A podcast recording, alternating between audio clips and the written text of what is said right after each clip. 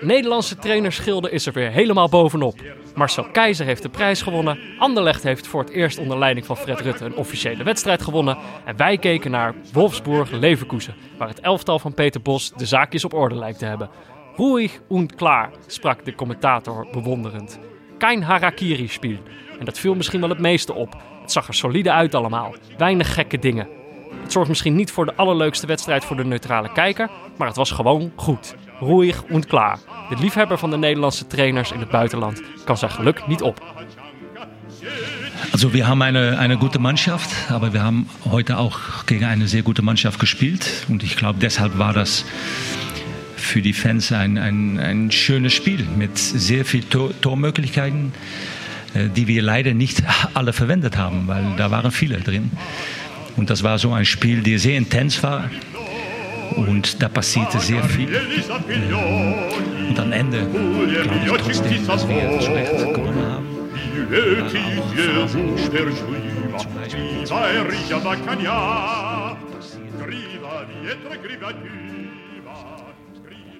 Ja, Jordi. Ja, Peter. Een, een- een- gewoon een, fatsoenlijke wedstrijd met goals. Ja. Een beetje fatsoenlijk voetbal. Eh, spanning zou ik niet echt willen zeggen, maar wel beleving en zo. Ja, klein, ja, beleving. Zeker, was aanwezig. Ja, dus eh, het- we zijn weer... eh, we laten onze luisteraars één keertje kiezen. En het is meteen raak. Ja, ik had ze avontuurlijker verwacht, moet ik zeggen. Dat was de, de meest kant-en-klare Ja. keuze. Eh, maar het, het, het pakte goed uit. Ik dacht ook al, shit, ze gaan gewoon stemmen op dat wij naar Brazilië moeten gaan kijken. het was, maar ja, het was ook een leuk avontuur geweest. Misschien zijn ze de volgende keer avontuurlijker. Ja. Kan moet, toch? eh, En jouw week was die ook een beetje avontuurlijk? Nou ja, ik, ik zit hier zonder, eh, zonder baby op mijn arm. Gisteren was de offici- officiële uitrekendatum. Ja, Ondanks dat het 4, 5 procent kans was. de eh, deadline is verstreken. de deadline is zeker verspreken. Papieren zijn nog niet in orde. Ja, ik moest wel lachen. Van- vandaag appte een, eh, een goede vriend van mij, Younes, die zei van misschien is het wel leuk om te doen of Galatasaray eerder een spits heeft of jij een baby. wie, wie het gaat halen, zeg maar. Nou, Hmm. Eh, die ene is zeker en die andere ben ik heel bang voor dat het helemaal niet zo zeker is. Dus ik denk dat de baby gaat winnen. Nee, de deadline is er al bijna. Ja. Nee, voor de rest een rustig weekje. Ja, de, de, de, partner kan niet meer zoveel. Dus Oh. daar is het vooral... Ik doe mijn best om het zo goed mogelijk voor haar te organiseren. En daarom, daarom ben je nu naar een podcaststudio te gaan, gegaan om met mij een podcast op te nemen. Ja, maar je moet, wel, je moet het wel een soort van... Hè, je moet het een beetje menselijk houden. Ja. Ik moet ook af en toe even eruit. Ja. Eh, maar mede daardoor, omdat ik zo eh, perfect mogelijke vriend probeer te zijn... eh, hebben we, na, dat we normaal... Kijk ik nu de laatste weken heel Holland bakt mee. Ja, er, is, er is een nieuwe, een nieuw programma. nieuw programma, Oh. aansluitend erop. Project Rembrandt. Dat, dat klinkt niet best. Was het ook niet. Oh, Nee, was het, was, het was echt... Nou, het programma is niet zo slecht. Nou ja, Project Rembrandt. we zijn op zoek naar de beste amateurschilder van Nederland. ja. Want bakken zijn we al, dat doen we al. Ja, Dat is succesvol en nu schilderen. heel origineel was de eerste gast die ze moesten gaan natekenen of schilderen, was André van Duin. Die gaf ook letterlijk hetzelfde startseintje als hij in het programma daarvoor deed. Oh god. Maar nee, de kwaliteit, de kwaliteit van de deelnemers. Ik dacht ineens, nee, dit is Viola Holt. Het was ook, was echt Viola Holt. nou, die heeft de eerste ronde niet overleefd. Want die, ja, ik weet niet of ze dat voor de grap hebben mee laten doen. Dat was echt verschrikkelijk. Alsof een kind het had getekend. Nee, zij had volgens mij, want ik heb hier, toen jij erover begon, heb ik er een column over gelezen eh, van de Volkskrant. Oké. Eh, eh, eh, Emma Curvers had die geschreven. Ja. Ehm, en zij zei blijkbaar zelf dat ze zich daadwerkelijk had ingeschreven.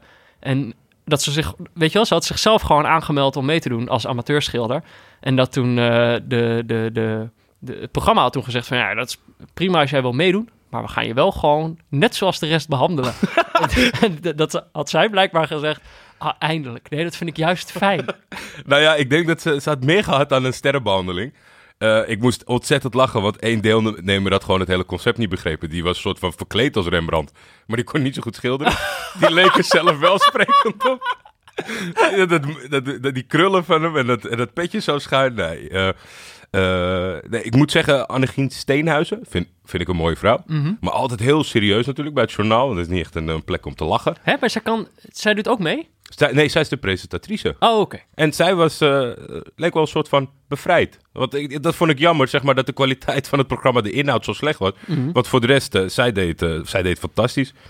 En ik, eh, ik weet niet of ik volgende week nog een keer ga kijken. Ja, misschien moet je wel, joh. Ja, ja misschien ook wel. Misschien moet ik het ook wel gewoon uitzingen. Ja, ik weet ook niet of, of, of Lot het leuk vond.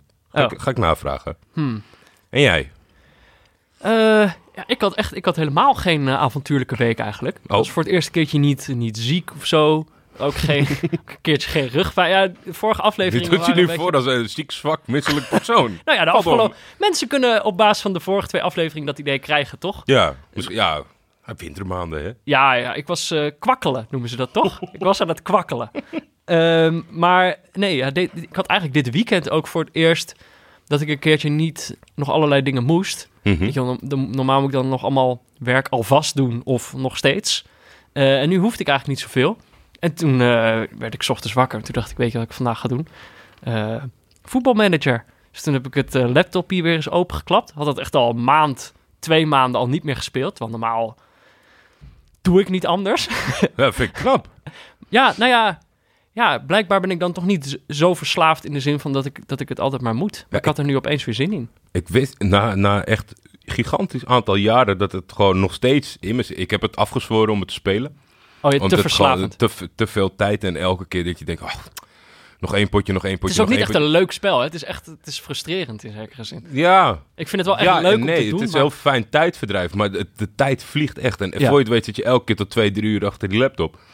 En toen, vorig jaar kreeg ik het en toen, echt bi- binnen een mum van tijd was het weer helemaal fout. Alsof, alsof mensen weten dat je, dat je zeg maar een alcoholist bent. Ja, Terwijl al twee jaar afgekikt en dat iemand dan met een fles vodka op je verjaardag hey, aankomt zetten. voor jou. Voor jou, joh. Je bent er toch gek op? Nee, dus dat, eh, dat is voor mij, eh, jammer genoeg is dat Hmm. niet meer be- besteed. Hm. Nou ja, aan mij dus wel. Ik heb echt een, eh, een heerlijk weekend gehad. Ja. Toen dan altijd... Wie was je? ik was Toulouse. Een eh Bowie vriend van me, met wie, ik, eh, met wie ik dan vaak online speel, die was Lille. Oké. Eh, en, maar we zijn nog niet zo heel ver. Duurt toch vaak wel vrij lang. Ja, met z'n tweeën vooral. Ik ben een hele snelle speler. In mijn eentje. Oh, ja, wij zijn allebei wel redelijk snel. Het is alleen, het ergste is, soms heeft één iemand het op orde en dan is het bij de andere een zootje. En jij wil dan gewoon lekker door, want je hebt gewoon zoiets van, ja... Ja, want je moet nog steeds als vroeger wachten, toch? Dat als jij continu Ja. drukt, dat hij, dan gaat het pas als hij ook gaat. Ja, maar ze hebben het in die nieuwe versie wel goed gedaan hoor. Dan zijn de wedstrijden altijd op hetzelfde moment. Je kan zorgen dat eh, eh, er minder momenten van stoppen zijn tussen Kan wedstrijden je een door. tijdklok instellen dat iemand wat mag? Ja, ja, dat kan, maar dat heb ik eigenlijk niet gedaan.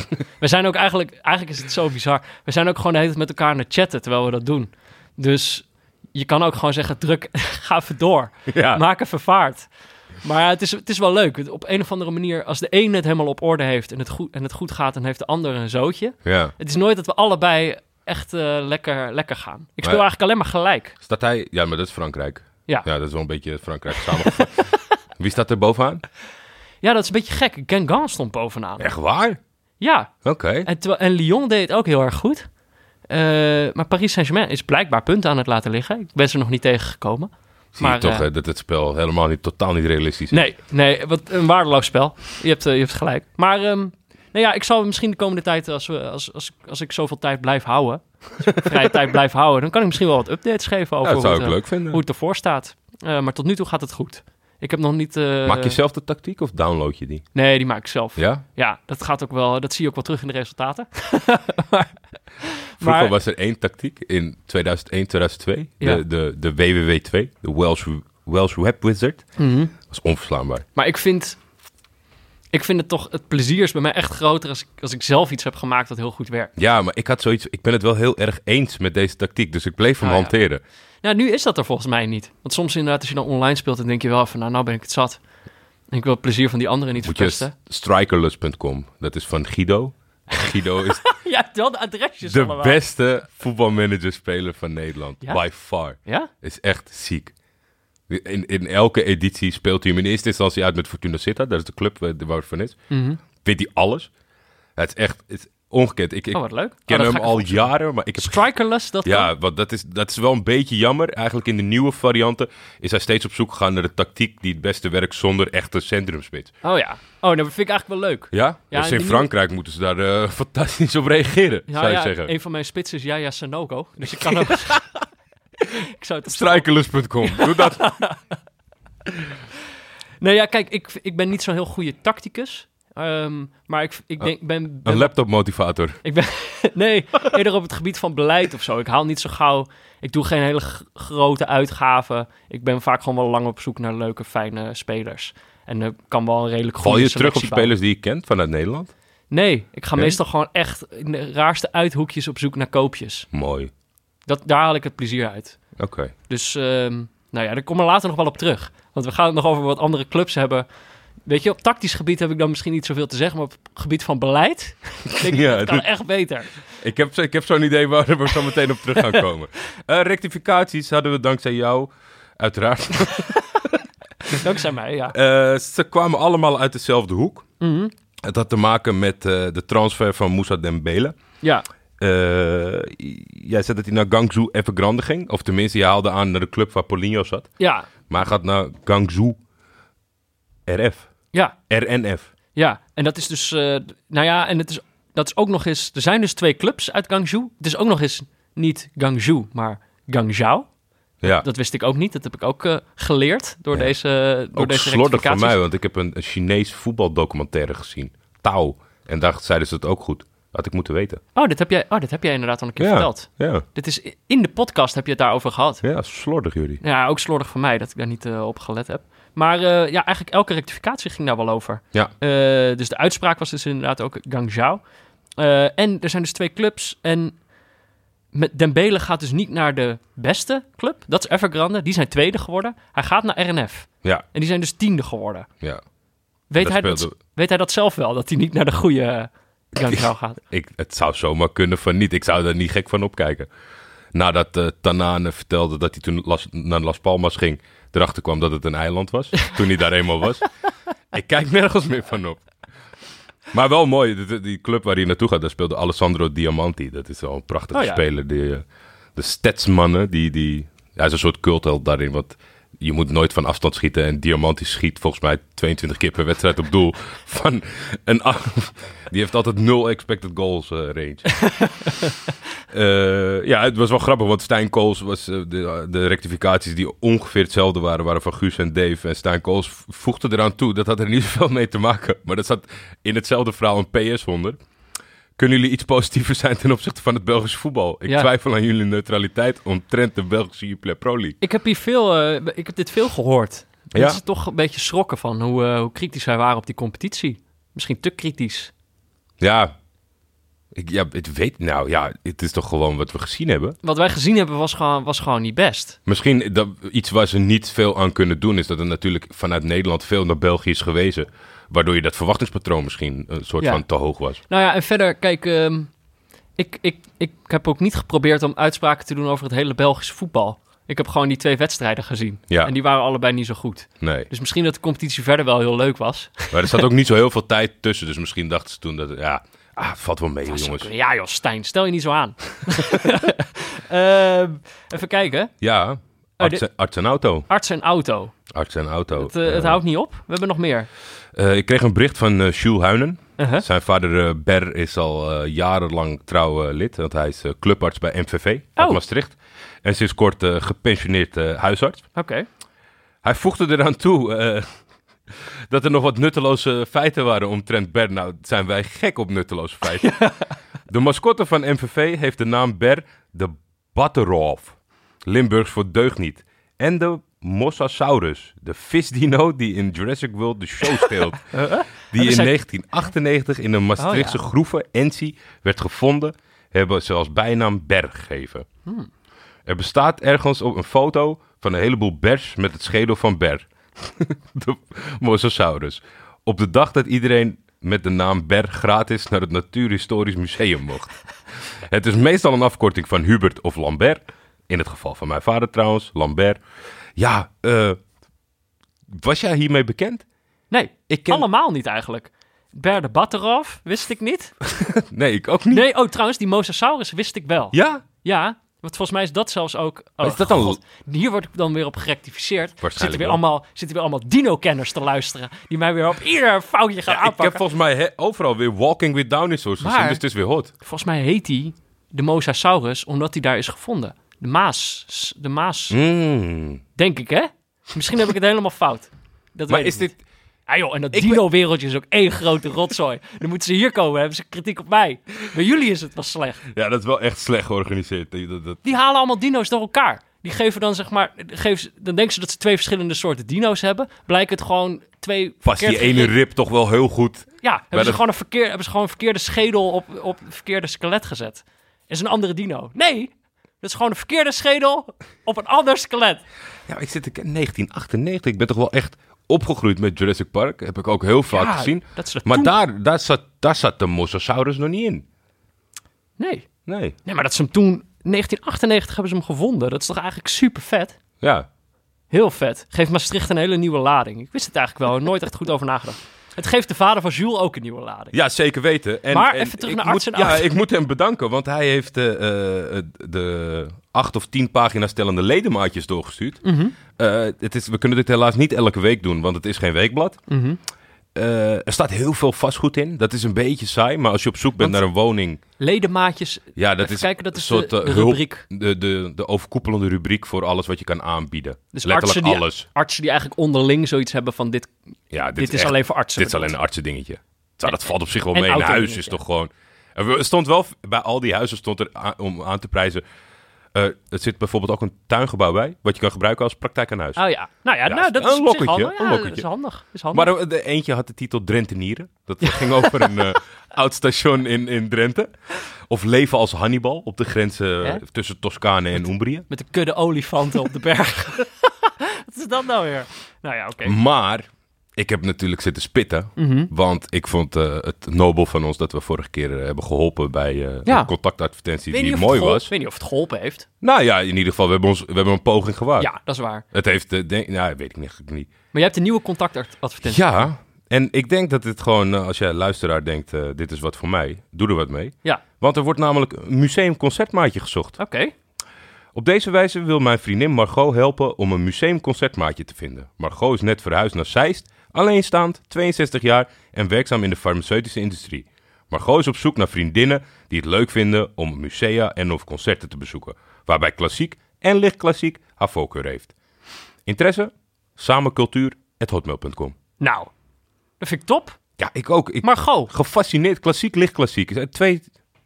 Is, klassiek dekt dat niet de lading? Is er ook hard klassiek dat je denkt... Ik denk oh, dat ook... Ja, natuurlijk is een hard klassiek. Dat heb ik vorige week nog laten horen. Ja? Het knalt er doorheen. En daar, daar wil Margot dus niks van hebben. Van Carmina Burana?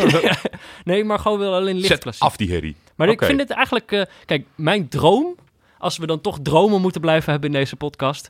eh, er moet iets te dromen blijven. Mijn droom is dat, dat Margot... Of eh, de vrouw van de vorige week... Dat die een maatje of een, een, een liefde vinden... En dat ze dan moeten zeggen dat dat, dat komt... Door de podcast Neutrale Kijkers. Ja, als wij dat is toch mijn droom. één deze weken een, een foto zien met de hashtag neutrale kijkers van een groep gezellige dames die een klassiek concert bezoeken. Dat lijkt Ik zou er helemaal warm van Dat worden. lijkt mij zo fantastisch. Ehm, dus ja, als je, als, je, als, je, als je denkt, als je serieus bent, we willen geen geintjes. Geen geintjes. Dat wil ik even gezegd hebben, anders dan niet. lijkt het opeens alsof, alsof wij alsof we het daarop doelen. Geen geintjes. Als je serieus eh, eh, eh, wil reageren op, op Margot's contactadvertentie, nog één keertje. Samencultuur.hotmail.com Ja. Zo simpel is het. Ik had nog een ander dingetje. Ik ging even door de, door de, de hashtag neutrale kijkers op, Mhm. op Twitter. En dan kom je toch altijd wel... Altijd weer dingen die er tussendoor glippen, kom je dan weer tegen. Onder andere, waar ik heel hard om moest lachen, was dat... We hebben natuurlijk altijd... We kwamen er op een gegeven moment achter dat Danny Makkely eigenlijk Danny Desmond Makkely heet. Ja. En daar kwamen we achter door de Livescore-app. Omdat eh, die blijkbaar de volledige namen van scheidsrechters pakken. Ja. En, en, en, niet gewoon zoals ze zichzelf noemen. Niet de roepnamen alleen. Niet de roepnamen. Maar dat, dat het nog verder kan gaan, blijkt eh, dat er in de app ook gesproken werd over Ber- Bernie, Bernie Raymond Blom. Kevin Blom heet geen Kevin. Kevin is gewoon een bijnaam. Hij vond Bernie Raymond vond hij niks. En toen zei hij, nou, doe maar Kevin Blom. Ja, Zo heet hij dus echt. Bernie in Nederland vind ik ook wel lastig, denk ik. Want dan wordt het Bernie, denk ik. Ja.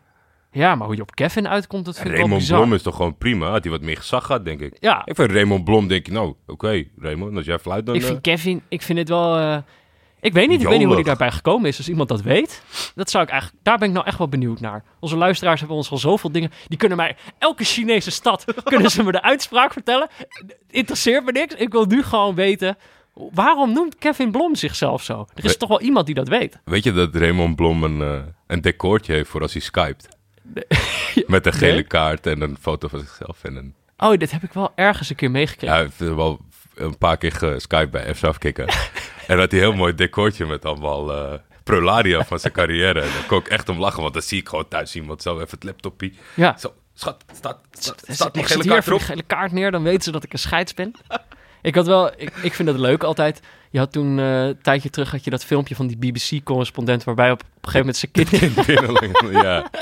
Daar hoop ik toch altijd op als ik iemand, als ik iemand zie inbellen met Skype. Interieur bij Skype vind ik sowieso wat... eh, hoe heet het? Ging natuurlijk heel veel tijdens het WK Skypen. Ja. Bas Nijhuis met de NOS. En die had eerst echt zo'n oude oma vitrinekast. En dat, omdat hij toen steeds vaker ging doen, ging hij zijn decor wel aanpassen. Maar dat vind ik toch mooi, zo'n kijkje thuis. Soms staat er dan ook zo'n boekenkast met dan twee boeken erin. Van een helemaal lege boekenkast. Dat ze duidelijk gewoon een soort achterafkamertje hebben opgezocht. Van ja, dan toch even Doe het skypen. even daar. Even skypen zo. En dan even dat... Ja, ik beeld het nu uit. Heeft natuurlijk helemaal geen zin. Hoort niemand. Ander ding was heel leuk. Kijk, dat speelt zich op... Mensen die ons volgen op Twitter, die weten dat soort dingen. Maar dat kun je niet van iedereen verwachten. Ik wil dat ook niet iedereen aandoen. Nee. Maar ehm, eh, eh, het, ging op een gegeven moment... Iemand adviseerde ons om... eh, toch weer even over Belgisch voetbal. Iemand adviseerde ons om een wedstrijd van de Kroki Cup te gaan kijken. Ja. Of nou ja, die zei, hij zei niet eens de Kroki Cup, toch? Oh jawel, hij zei wel de Kroki Cup. En dan had hij mij eigenlijk al overgehaald. Wat was het bericht? Moet ik weer even... Verdomme, Ik dat weer kijken, opzoeken. Het is een grote, grote fan uit België. Kroki Cup. Even kijken hoor. ik zit toch op latest. People you follow. De Kroki Cup. Eh, oh ja. No, no, nun, no nonsenses. No nonsenses. Ik heb No. Tip voor buurtvader en de vecht. Mochten, eh, mochten jullie Belgische clubs nog een kans geven. Union Saint-Gilles tegen KV Mechelen. Terugmatch halve finale Kroki Cup.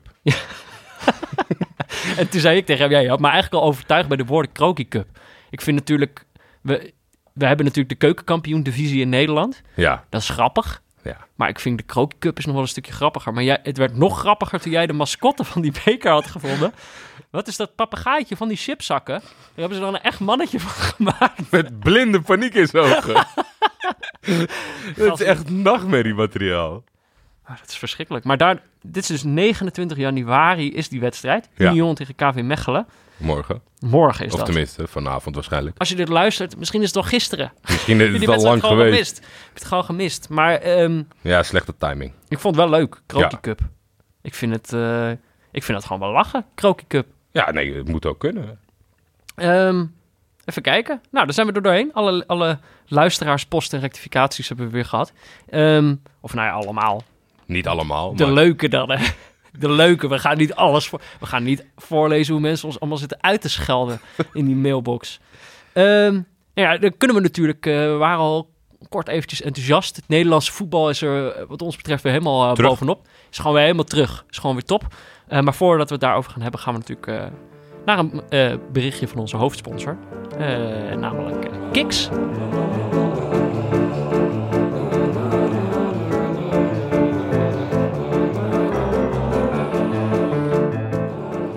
Dit is Eigen Tijden Sport in samenwerking met onze hoofdsponsor Kiks. Waarin we terugblikken op historische gebeurtenissen in het voetbal die waarschijnlijk terecht in de vergetelheid zijn geraakt. Deze week Bas de Gier. pas. Bas de Gier. Nou, Bas, eh, flinke taak aan Bas, want eh, de klomp heeft indruk gemaakt Ja? afgelopen week. Als jonge jongen stond ik bekend als veelbelovende laatste man bij SC Dynamo uit Ursum. Zo'n dorpje waar iedereen elkaar kent. En zeker wanneer je de sp- een speler van het eerste bent. Zo hè, beetje de jocks op de high Ja, school. ik wou zeggen, dat is meteen het beeld wat ik erbij heb. loopt in zo'n trainingsjackie, loop je, door, door- loop je door Ursum. En iedereen ziet meteen, ah ja, dat is die laatste man van SC Dynamo. De velden van Dynamo lagen praktisch in mijn achtertuin. En ik kende, en ik kende het daarom als... En kende ik... Oké. De velden van Dynamo lagen praktisch in mijn achtertuin en kende ik daarom als mijn broekzak. Ik stond op het punt om mijn debuut te maken in het Ursumse keurkorps en mijn belofte als inschuivende verdediger in te lossen. Frans Beckenbauer, maar dan in de zesde klasse op een knollenveld. Dit is toch hoe iedereen zich altijd wel voelt, denk ik. Toch, je voelt gewoon dat enorme niveauverschil, dat voel je niet altijd met die profvoetballers of zo. Zeker, denkt- niet, zeker niet bij het verzinnen van op welke speler je lijkt. Je denkt gewoon echt, ja, ik ben gewoon een soort Frans Beckenbauer. Ik ben gewoon net die ene gast die een paar keer wereldvoetballer van het jaar is geweest. In de jeugd speelden we ieder jaar tegen diezelfde teams uit omliggende dorpen. Sporting S, SSV, Graftdijk, Apollo 68. Stuk voor stuk clubs waar je automatisch in de A1 terecht kwam bij gebrek aan genoeg jongens voor een tweede elftal in deze leeftijdscategorie. We Sport- waren... Sporting S had eerst een andere naam, hè, totdat ze fraude pleegde op het veld. Is dat zo? Nee. Zo, we zijn, het onderzoek loopt nog. Tot die tijd heette ze Sporting S. We waren het jaar ervoor kampioen geworden en stonden nu ook nu weer drie wedstrijden voor het einde van de competitie op plek 1. Op het programma een wedstrijd tegen de nummer 2, Grafdijk. Goeie naam. Grafdijk uit. Ja, dat klinkt niet fijn. De uitspraak altijd lastig was hier zeker van toepassing. Maar we zouden genoeg hebben aan één punt om verder te koersen op een nieuwe titel. Verliezen betekende afscheid nemen van de titel door een minder doelsaldo. De wedstrijd werd gespeeld op een veld dat door alle eerdere wedstrijden dat seizoen nog nauwelijks was te onderscheiden van de omliggende weilanden en waar het op een of andere manier altijd hard waaide. In deze ambiance, met als publiek drie vaders die moesten rijden, speelden we een gelijk opgaande wedstrijd. Vlak voor, vlak voor tijd was de stand 1-1 en pepte ik mijn team nog eenmaal op met de clichématige koppie erbij. De keeper van Grafdijk mocht aanleggen voor een vrije trap vanaf de kop van de middencirkel op zijn eigen helft. Alle andere 21 spelers waren in en rond de onze 16 te vinden voor wat de laatste kans van de wedstrijd zou worden. De keeper deed wat hij kon om de bal over die afstand voor de pot te gooien. Maar ik stond goed gepositioneerd. Randje 16, klaar om de hoge bal met een flinke kopstoot terug te stoten naar de andere speelhelft. Nog één keer mijn voorhoofd tegen de bal en de titel zou voor ons zijn. De laatste wedstrijd van het seizoen mocht geen probleem meer zijn. Maar deze bal werd gegrepen door de wind en kwam iets verder naar achter, achteren dan op mijn hoofd dan de bedoeling was. Gevolg, oh jee, een achterwaartse kopbal met een boogje over onze keeper heen. 2-1 Grafdijk, wegkampioenschap. De beelden die nog op mijn netvlies staan zijn van onze altijd rustige vlagger, die zijn vlag doormidden smeet tegen de grasmat, en van een medespeler die mij in het voorbijgaan cynisch bedankte voor het verpesten van zijn dag. Jeetje, een, een medespeler. Ja. Nou, dat is ook niet, eh, dat is ook niet Van je gezellig. teamgenoten moet je het hebben. Ja. Eh, van je Bas, Ja, ideale plek denk ik om een titel te verspelen, Grafdijk. Grafdijk, Ja, het, hun daar, water. kan je, daar kan je toch ook gewoon geen, geen mooie herinneringen bewaren. Weet je nog, in Grafdijk, Weet je nog een Grafdijk? toen we de liefde vonden. dit, dat kan niet. Dat, ja, dat is gewoon spijtig, maar dat... eh, jammer. Zoals Loris Karius altijd zal worden gekenmerkt door zijn blunders in de laatste, in de laatste Champions League finale, word ik in Ursum altijd herinnerd aan mijn eigen doelpunt tegen Grafdijk. Hierna maakte ik nog wel mijn debuut in het eerste van Dynamo, maar met weinig succes. Inmiddels speel ik in het derde van Blauw-Wit in West-Knollendam, een team vol met vergane glorie. Dat is vrijwel elk team, elk amateurteam is gewoon vergane glorie. Zit vol, oké. Hier kent niemand mijn verleden en speel ik anoniem mijn potjes als sobere rechtsback. Vorige maand was ik weer eens in de buurt van Ursum. Bij een kruising wees er een verkeersbord naar links. Grafdijk, vijf kilometer. Ik keek omhoog, voelde een windvlaag, maakte een knikkende beweging om een denkbeeldige bal weg te koppen en besloot naar rechts te gaan. Mooi. Mooi, Mooi mooi, geschreven. Ja, Weet je wat ik heel goed vond? nou, Eh, hij noemt eerder al die wind. Hij beschrijft dat veld bij eh, Grafdijk. Of nee, bij, eh, bij, ja, bij Grafdijk. ja, ja. Dan beschrijft hij die wind. Dat hij al waait.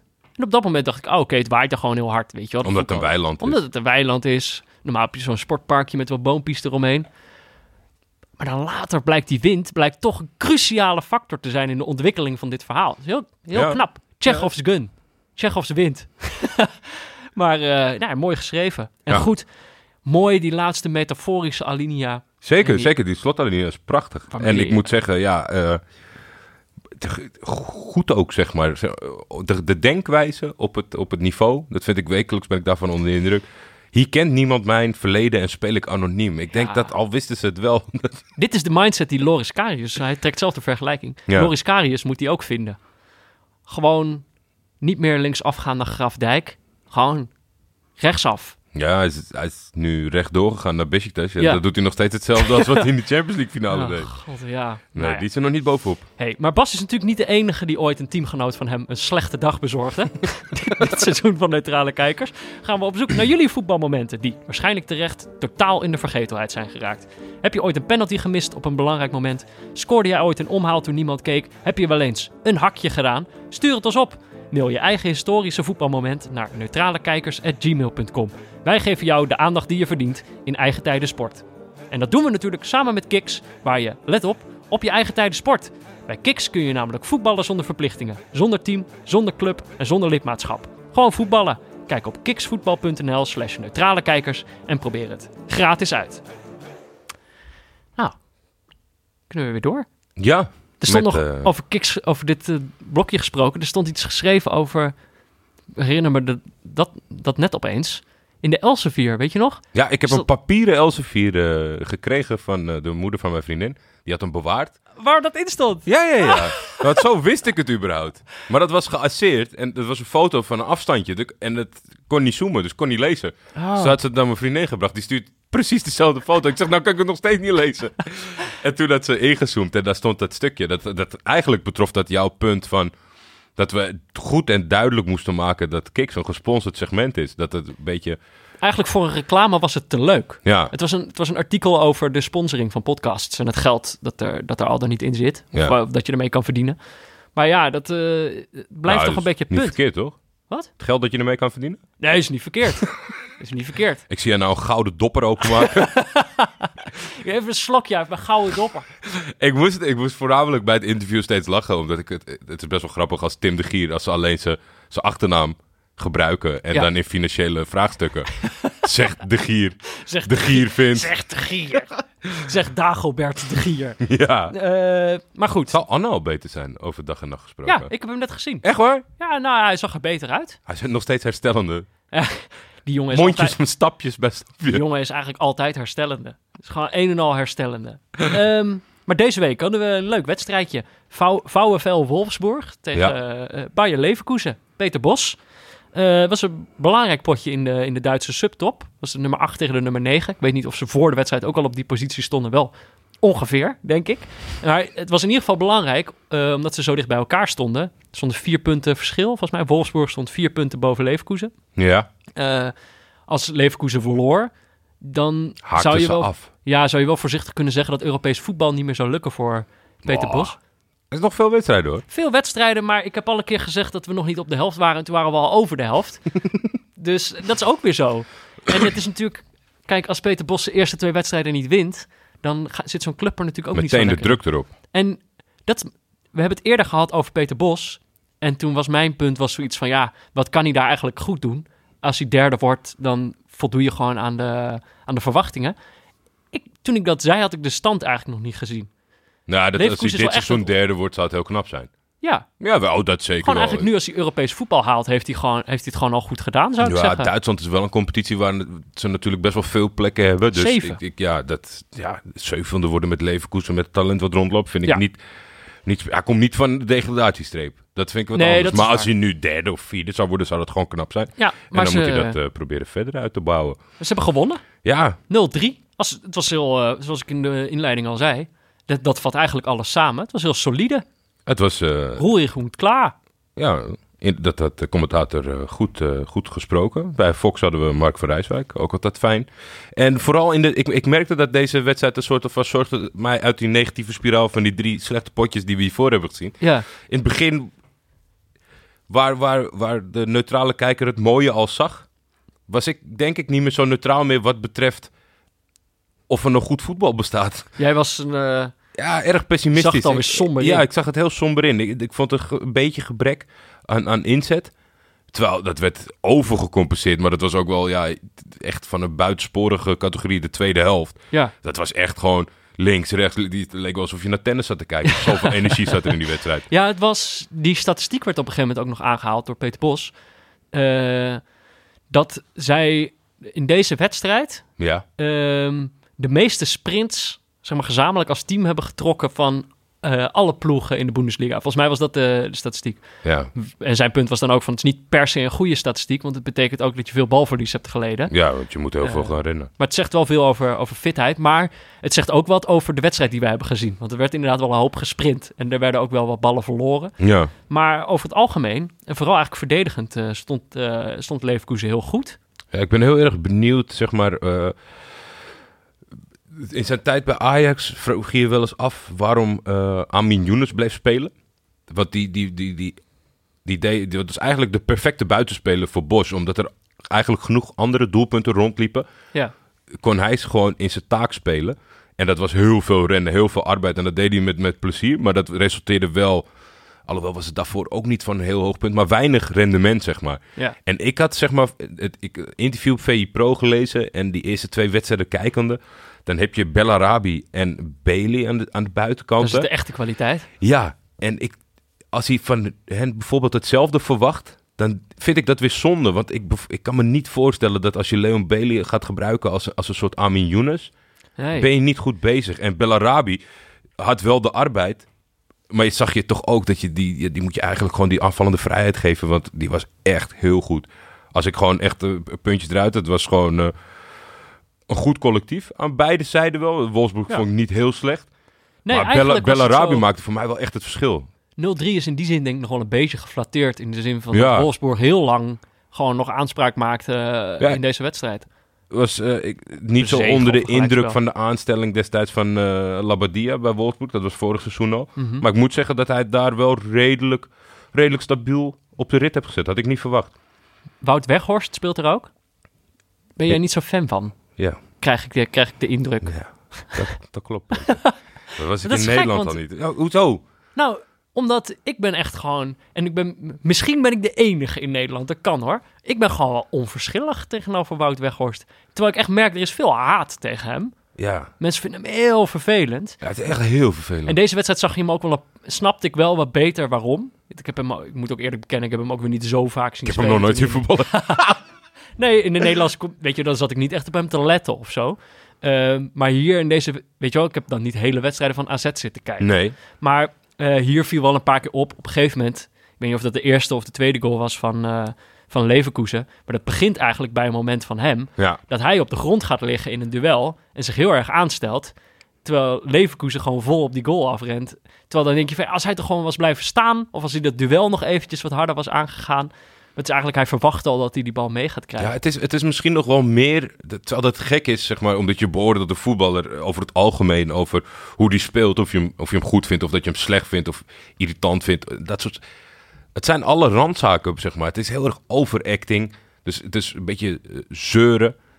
en, en vaak ook onterecht en een beetje overacting. Het is zo iemand dat als jij keihard aan het werk bent, die dan net even wat minder doet, maar wel tegen de leraar gaat schreeuwen: Kijk, ons is hard werken. hé. Kijk, mij, vooral mij. Hè. Ah, ja. Weet je, het, is, het, het, ja, het, het, het kijkt naar. Jij zou zeggen dat, dat hij doet alsof hij meer arbeid levert. Oh, hij werkelijk levert. 100 Oh, 100% En volgens mij is het ook wel eens naar buiten gekomen dat bij AZ eh, zijn teamgenoten daar redelijk op een gegeven moment aan het doorheen prikken waren. Ah, Eh, ik ja. heb wel een weddenschap met, over Wout Weghorst met Nieuw Pedersen, maar ik heb geen idee voor hoeveel. Wat Hij is- staat nu op 7 maar doelpunten. wat is de weddenschap?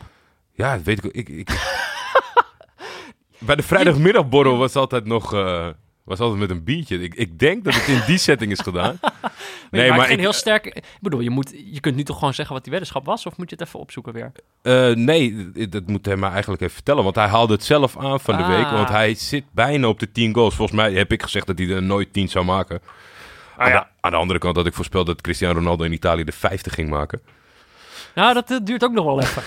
dat gaat ook niet in één seizoen gebeuren. Nee. Dus ik, ik, ja, 7 doelpunten. Als je kijkt, zijn toch wel veel wedstrijden. Hij heeft eh, tot aan deze wedstrijd had hij 18 wedstrijden gespeeld, waarvan 17 in de basis. Hij wordt bijna nooit gewisseld. Ja, om nou te spreken van een goed seizoen, 7 ik, vond doelpunten. hem wel aardig ik vond hem wel aardig spelen. Hij is wel gewoon... eh, Ik denk dat zijn mazzel is dat Wolfsburg op dit moment niet beter heeft. En dat Ja. Volkswagen niet bereid is de knip te trekken.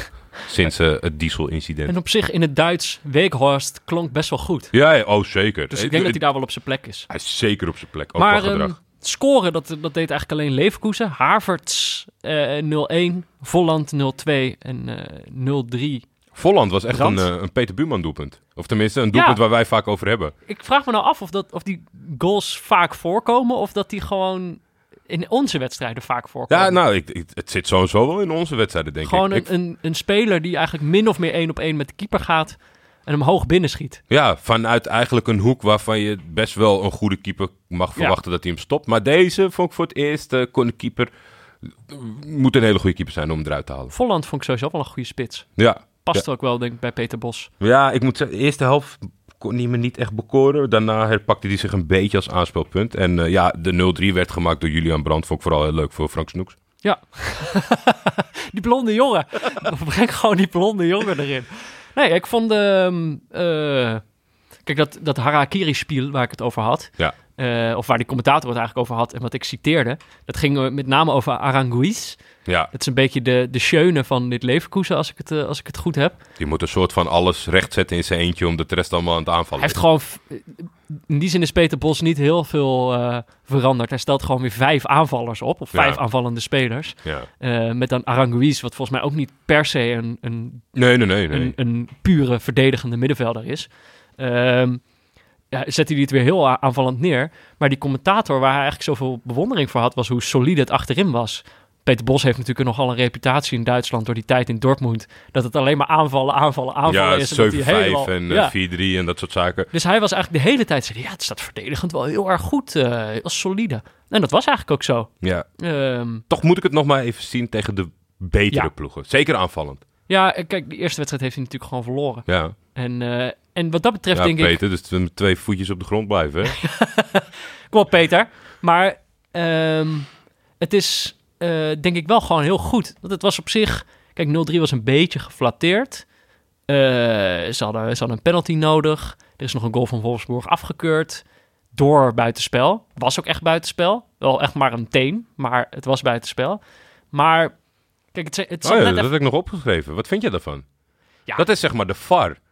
Eigenlijk is het buitenspel. Tuurlijk is dat buitenspel. Ja, een je teen- gaat toch niet... Er is toch gewoon maar één grens. En als je er overheen bent, is het buitenspel. En als je er niet overheen bent, niet. Maar dit, Dan ga je toch niet zeggen... Ja, het is maar een teen. ja, maar dit, dit is zeg maar honderd jaar nooit gezien. En nu kan je dit ineens zien. Ja, nou, maar het is gewoon een striktere toepassing van de, van de regel. Ik vind dat buitenspel. Ik vond de voetbeweging van Yunus Malle zo mooi dat ik deze liever door had zien gaan. Ja, nou ja, het was, eh, het was eigenlijk eh, het was zonde voor hen, maar eh, goed voor Peter Bos. Want ik denk wel, kijk, nu staat er gewoon 0-3. Ik denk dat het heel goed is voor het vertrouwen. En uiteindelijk, eh, als ik dan nog een soort punt moet maken over, over deze wedstrijd.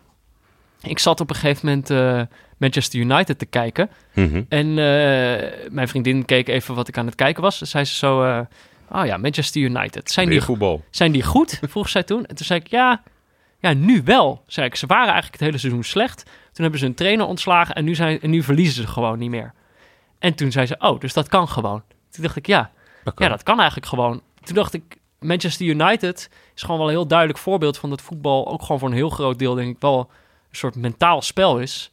Waarin als je op een gegeven moment gelooft dat het allemaal kan, dat het ook daadwerkelijk gaat gebeuren. En op het Dat, gaat een, dat je- dat kan een hele lange tijd goed gaan. Dat is Ja. zeker waar. ja, en op den duur zal Manchester United gaan ze wel weer Uiteindelijk gaan ze wel eens een keertje, een, keertje, een keertje verliezen. Maar ja, Daar, daarvan is natuurlijk wel het allerbelangrijkste. Ja, nu wijden we een beetje uit over. Maar ik vind het wel interessant. Want dat heb ik al een paar keer gehad bij die wedstrijd. De grote ster is ineens Paul Pogba. Ja.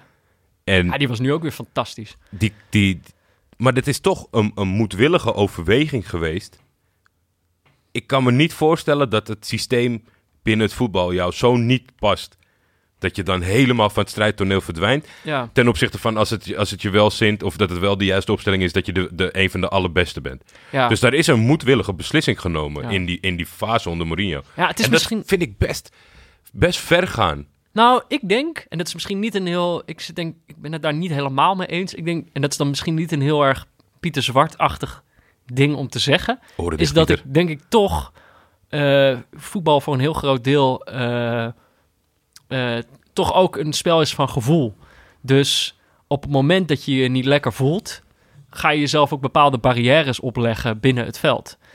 En op het moment dat je je wel lekker voelt, dan werp je die zo van je af en kan je opeens fantastisch spelen. Kan, kan ik tot, tot op een hele hoge hoogte eh, mee eens zijn? Ik denk niet dat Maar het ik vind het contrast, dit contrast Ja. is te groot. Dit is gewoon een overweging van, weet je wat, ik, Ik laat het erbij ik, zitten. ik, ja, ik speel gewoon niet meer voor hem. Ja.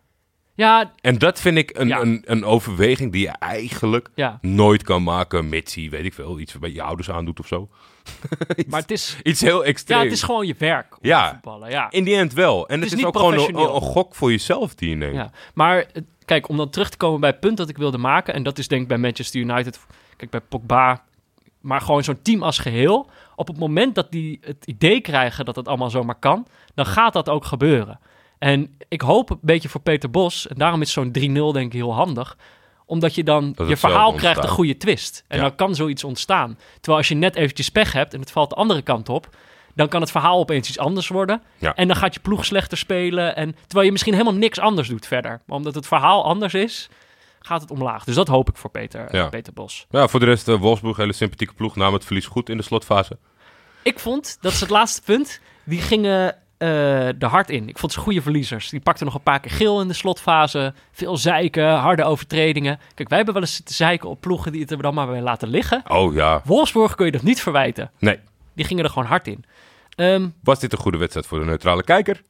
ja, Ja. ja, nou het kan echt wel beter. Misschien nemen we wel genoegen met weinig. eh, maar dit was We gewoon... moeten ergens beginnen, Peter. Wat ik ook al aan het begin zei. Als het heel solide is, dan is dat misschien niet het allerleukste voor de neutrale kijker. Maar we hebben eerder ook al gemerkt, als het, als het heel slordig wordt, is het ook niet meer leuk. En Nee. ik heb gewoon wel echt goed voetbal gezien. Zeker. Mooie goals. En gewoon een paar hele leuke spelers, zoals Bellarabi die jij ook al noemde. Dat is gewoon wel eh, een leuke speler om naar te kijken. Anderhalf duimpje voor Peter Bos. Anderhalve duimpje. Ehm, Je hebt er maar twee, hè, dus dat is best veel. ja, nee, dat is, de, Peter Bos mag, eh, mag in zijn handjes wrijven. Het is een kleine stap van Peter naar Pieter. Ja, Pieter ik- Zwart, die keek de klassieker. je bent aan het rijmen geslagen. Voor ongeluk. Kijk een pressing. Kijk een pressing. Op de VI-redactie werd voorzichtig gegniffeld toen we in de openingsfase van de klassieke woede-uitbarsting van Erik ten Hag zagen. Dat was de tweede keer, man, konden zelfs hele slechte liplezers uit zijn mond zien komen. Het gekke was, voor zoveel zichtbare ergernis was nauwelijks aanleiding. Ajax had de wedstrijd volledig onder controle en het ging om een weinig zeggende inworp. Na afloop hoorde ik dezelfde ten Hag praten over gebrek aan onverstoorbaarheid bij Ajax. Hoewel onverstoorbaarheid een verschrikkelijke modeterm is, trademark voor Bommel, raakt hij daarmee de kern. De eigenschap om onder alle omstandigheden te blijven doen wat je moet doen, onderscheidt prijzen winnende teams van goede teams. Waarom wordt Frankrijk wereldkampioen? Of wint Real Madrid drie keer op rij de Champions League? Niet omdat ze het beste positiespel spelen, maar omdat ze ook bij tegenslag rustig blijven. En dus moeilijke fases in belangrijke wedstrijden kunnen overleven. Zoals Barca dat jarenlang op zijn eigen manier deed door bij chaos de rust terug te brengen door op balbezit te spelen. Bij dit Ajax lijkt die vaardigheid te ontbreken. Deels zit dat in de spelers, die bij tegenslag moeilijke oplossingen zoeken in plaats van simpele. Maar deels ook bij de trainer, die uiteindelijk zijn team zo moet voorbereiden dat ze juist op moeilijke momenten rustig blijven. De kritiek die Ten Hag de komende dagen gaat krijgen zal grotendeels ongefundeerd zijn. Maar dat neemt niet weg dat hij deels schuldig is aan deze nederlaag. Want het staat niet sterk dat de trainer die vraagt om onverstoorbaarheid zelf als eerste voor slag is. Kijk een pressing. Kijk een pressing. Kijk, dit vind ik dan wel weer een heel Pieter Zwart ding om te zeggen. Ik zei net iets wat niet heel Pieter Zwarterig was om te zeggen. Dit vond ik heel Pieter Zwarterig. Ik vind hem over het algemeen wel echt de meester in Pieter Zwarterig zijn. Ja, op, ja, op een of andere Ik heb hem dat. weinig, weinig betrapt op, op een soort van Peter Buurmanerig zijn. Verder nog wat leuks. Jij wilde toch nog iets zeggen over de klassieker. Ehm, Oh, je, moet, ja. ja. Kijk, ik, We zijn er niet neutraal in, dat moeten we nee, eerst maar ik zeggen. zag, ik zag een, een tweet vorige week. En daar was ik het op zich wel mee eens wat dat betreft. Dat wij, het, het ging natuurlijk. En eh, dat, dat, heeft niet, dat staat een beetje los van Twitter. Maar zij een voetbalpodcast, eh, eh, leuk. En het woord Lamproe is niet gevallen. Omdat natuurlijk iedereen het afgelopen week over Lamproe had. Mhm. En ik zeker op Twitter daar ook eh, me schuldig aan heb gemaakt. Heeft hij toch niet het einde van de uitzending gehaald? Dat betrap je die mensen, hè? Ja. Betrap je die mensen toch? Ehm, eh, ik, flabbergasted was ik gisteren. Ik, eh, ik, ik keek met een vriend, Jordi Cornel, die zat bij mij op de bank. Die is naar de 5-2 woedend weggelopen. Ik kwam niet in mijn woede. Gewoon bij jou thuis weggegaan. Ja, ja, die is bij mij thuis komen kijken. Met permissie eh, van, eh, van, eh, van de zwangere vrouw. Eh, maar die is, die is vertrokken bij de 5-2. Die had er geen zin meer in. Tabé! Ja, ik, ik, ik kan daar meestal wel inkomen. Van even wat anders doen. Of, of dus. Maar Ja. ik, ik, ik kwam niet in mijn woede. Ik weet niet. Was gewoon Was jij, was jij, ja. Nou ja, ik herken dat ook eigenlijk heel goed. Ik heb, als het zo slecht gaat, dus als je eh, de, de ploeg waarvoor je bent ziet stuntelen, dan denk ik eigenlijk, en daarin ben ik echt een slechte supporter. Eh, weet je wel, mensen die vaak naar het stadion gaan, die zullen mij haten omdat ik zoiets zeg. Dan zet ik het eigenlijk gewoon uit. Dan denk ik, wat doe ik mezelf aan? Ja. Als ik merk dat ik boos begin te worden, dan denk ik, ja, waarom, waarom, weet je wel, die mensen lopen te klungelen. Ik had gewoon een leuke dag. Waarom zou ik mijn dag laten verpesten door, door iets waar ik eigenlijk niks mee te maken heb? En Maar dan, Heb je hem uitgekeken dan gisteren? nee, ik heb dat dus gewoon uitgezet. Ja? Kijk, en daarom, daarom vind ik eigenlijk ook, eh, ben ik blij dat wij samen neutraal aan het kijken zijn. Dan heb je dat gewoon niet. Dan ga je echt kijken van wat vind ik nou leuk aan dat spel. In plaats van dat je, dat je gewoon je daar door emotie laat leiden en de televisie gewoon uitzet. Welke, welk, moment was, welk moment heb je het uitgezet? Kijk, het erge is. eh, Bij de 1-1. Als je het 1-1 van Feyenoord binnenkrijgt, dat is een Nee, ik schande. heb- het erge is, ik heb het meerdere keren uitgezet. En toch een beetje terugkijken het of in de hoop erger. van... Nou ja, weet je wel, scoorde Ajax weer. Dacht ik, oh, misschien wordt het toch nog wel. En dan meteen van Persie weer. Toen dacht ik, ja, doei. Ja, Dit ga ik echt niet doen. Dit is zo'n dag, weet je wel. En ik dacht, da, da- dat is nog frustrerender, dat, dat het niet zo'n jaar zou zijn voor Ajax. Ik dacht, dat gebeurt niet meer met zo'n selectie. nee. Nou, het gebeurt gewoon nog wel. Ja, het gebeurt, het gebeurt zeker nog wel. En, en de manier waarop is echt... eh, echt eh, ja, Ja. Kijk, de vraag is natuurlijk al veel gesteld. Het, het is een prachtige cliché open deuren vraag. Wat is er gebeurd in de winterstop? Ik vraag het mezelf ook af. Ja. Ik heb, ik heb werkelijk geen idee. En ik, ik, ik vond het ook wel bijzonder om te zien, zeg maar, aan Ajax-kant vanuit de beleving, vooral online op social media. Dat soort ook niet wist wat we er met z'n allen mee aan moesten. De- die was de schuldige, die was de schuldige. Maar ja, we moeten toch een soort van achter deze ploeg. We kunnen ze niet in één keer laten vallen. Het is Ja. maar één. Mm, toch wel, ik denk vanuit Ajax perspectief eh, bijzonder teleurgesteld in een aantal, in een aantal jongens. eh, die, die veel geld hebben gekost waarvan, eh, waaraan je hoopte dat dat zeg maar, zou afnemen ten opzichte van het verleden. Wat jij net zegt, dat je dacht dat het dit seizoen niet zou gebeuren. Ja. Erik ten Hag is natuurlijk in de subtop een goede trainer geweest. En tot nu toe, ja, als je heel, heel kort door de bocht bent, doet hij het een beetje à la Utrecht. eh, Of tenminste, ja, net even weer wat anders, maar goed tegen iedereen. Maar op het moment dat het erop aankomt, is hij nu twee keer afgeslacht. Ja. Dus dat is wel een factor. En voor de rest, eh, ja, eh, Mag ik een positieve noot geven? een positieve noot. Ik denk dat dit voor de neutrale kijker een heerlijke wedstrijd was. Oh, absoluut. En dat was, dat was ook wel een beetje, er werd een beetje dubbel op gereageerd, omdat er natuurlijk een heleboel mensen gek zijn op Robin van Persie. Ja. Ik vond dat niet de factor, zeg maar. Want je merkt in die wedstrijd dat het meteen, hij maakt een prachtige goal. Eh, Daar zal je mij niks over horen zeggen. Maar Van Persie speelt soort van wekelijks. Dus als het echt specifiek aan, aan zijn kwaliteiten had gelegen, dan speelde Feyenoord wel elke week zo. Er was, gisteren was er wat. Van Bronckhorst had het goed neergezet. Al die jongens kregen het vertrouwen. Sowieso een dikke pluim. Ik geloof daar ontzettend in in de twaalfde man. Want die hebben echt in die hopeloze beginfase van Feyenoord... die gasten een soort van bij de hand genomen van... jongens, blijf nog maar even doorgaan. Maar het was zo... En vind ik het zo jammer dat het zeg maar de hele week... Van Bronckhorst zal weinig complimenten krijgen. Torenstra zal weinig complimenten krijgen. Het is allemaal van... Oh, wat is die van Persie goed. En laten we er nog van genieten. En hij moet doorgaan. Het was gisteren zoveel meer. En je doet zoveel Feyenoord-factoren... eh, te, te, geef je te weinig credits. Ja. Door maar weer op, op, op die loftrompet. Die heeft hij al echt in zijn hele carrière al gehad. Hij heeft hem niet meer nodig. Zorg dat die andere een beetje belicht wordt. Ah, vind ik mooi. Vind ik nobel. Dank je. Vind ik heel nobel. Eh, toch even, dan moeten we even een leuke mededeling. Ja, To- eh, we gaan nu naar, vanaf nu is het strikt neutraal allemaal. ja. Eh, allereerste leuke mededeling is dat zaterdag was José Mourinho. Nee, José Mourinho. José. Was jarig. Ja, hij is 56 geworden. 56. Nou, Bon aviseren. ja, gefeliciteerd. Oh, is dat Portugees? Denk het. Ik ken alleen. Bon dia, maar dat is goede dag. Gefeliciteerd van ons, van de neutrale Ja, kijkers. we kunnen hopelijk, niet zeggen gracias por todo, want hij heeft ons niks gegund qua voetbal. hopelijk heb je een hartstikke leuke dag. En eh fuck Paul Pogba, man. Het zou wel leuk zijn als Paul een, een, een- toch een, een taart of zo heeft gestuurd om het erin te, in te wrijven. Wat ik heel gek vond van Mourinho de laatste tijd is dat het, dat verhaal, dat volgens mij, dat, dat ken ik al tien jaar, dat hij in een, in een, in een noem het, zo'n draagbare eh, waszak, eh, toen hij geschorst was, de, Ja. de instructies is gaan geven, stiekem. Maar dat, dat, dat is al zo oud. En nu kwam het soort van over. En hij vertelde het zelf natuurlijk. En dat Ja. dus misschien ging het wel om de bevestiging. Maar dat ging zo de hele wereld, voetbalwereld over. Terwijl ik, dat, dat, wist, dat wisten we toch met z'n allen al Jij wist lang. het al lang van die wasmand. Ja, dat dacht ik. Hm. Ja. Ik wist dat niet hoor. Ik vond het wel leuk. Iets wat ik- ik totaal niet wist. Is Anthony Modest. Die ken ik wel. Franse spits. Franse spits. eh, hebben we Jean-Paul Risson en ik heel vaak uitgelachen bij FC Buitenland. Waarom? Omdat eh, ja, die, die viel echt over zijn eigen voeten. En het was gewoon een, een, een zeer beperkte spits. Een aantal seizoenen.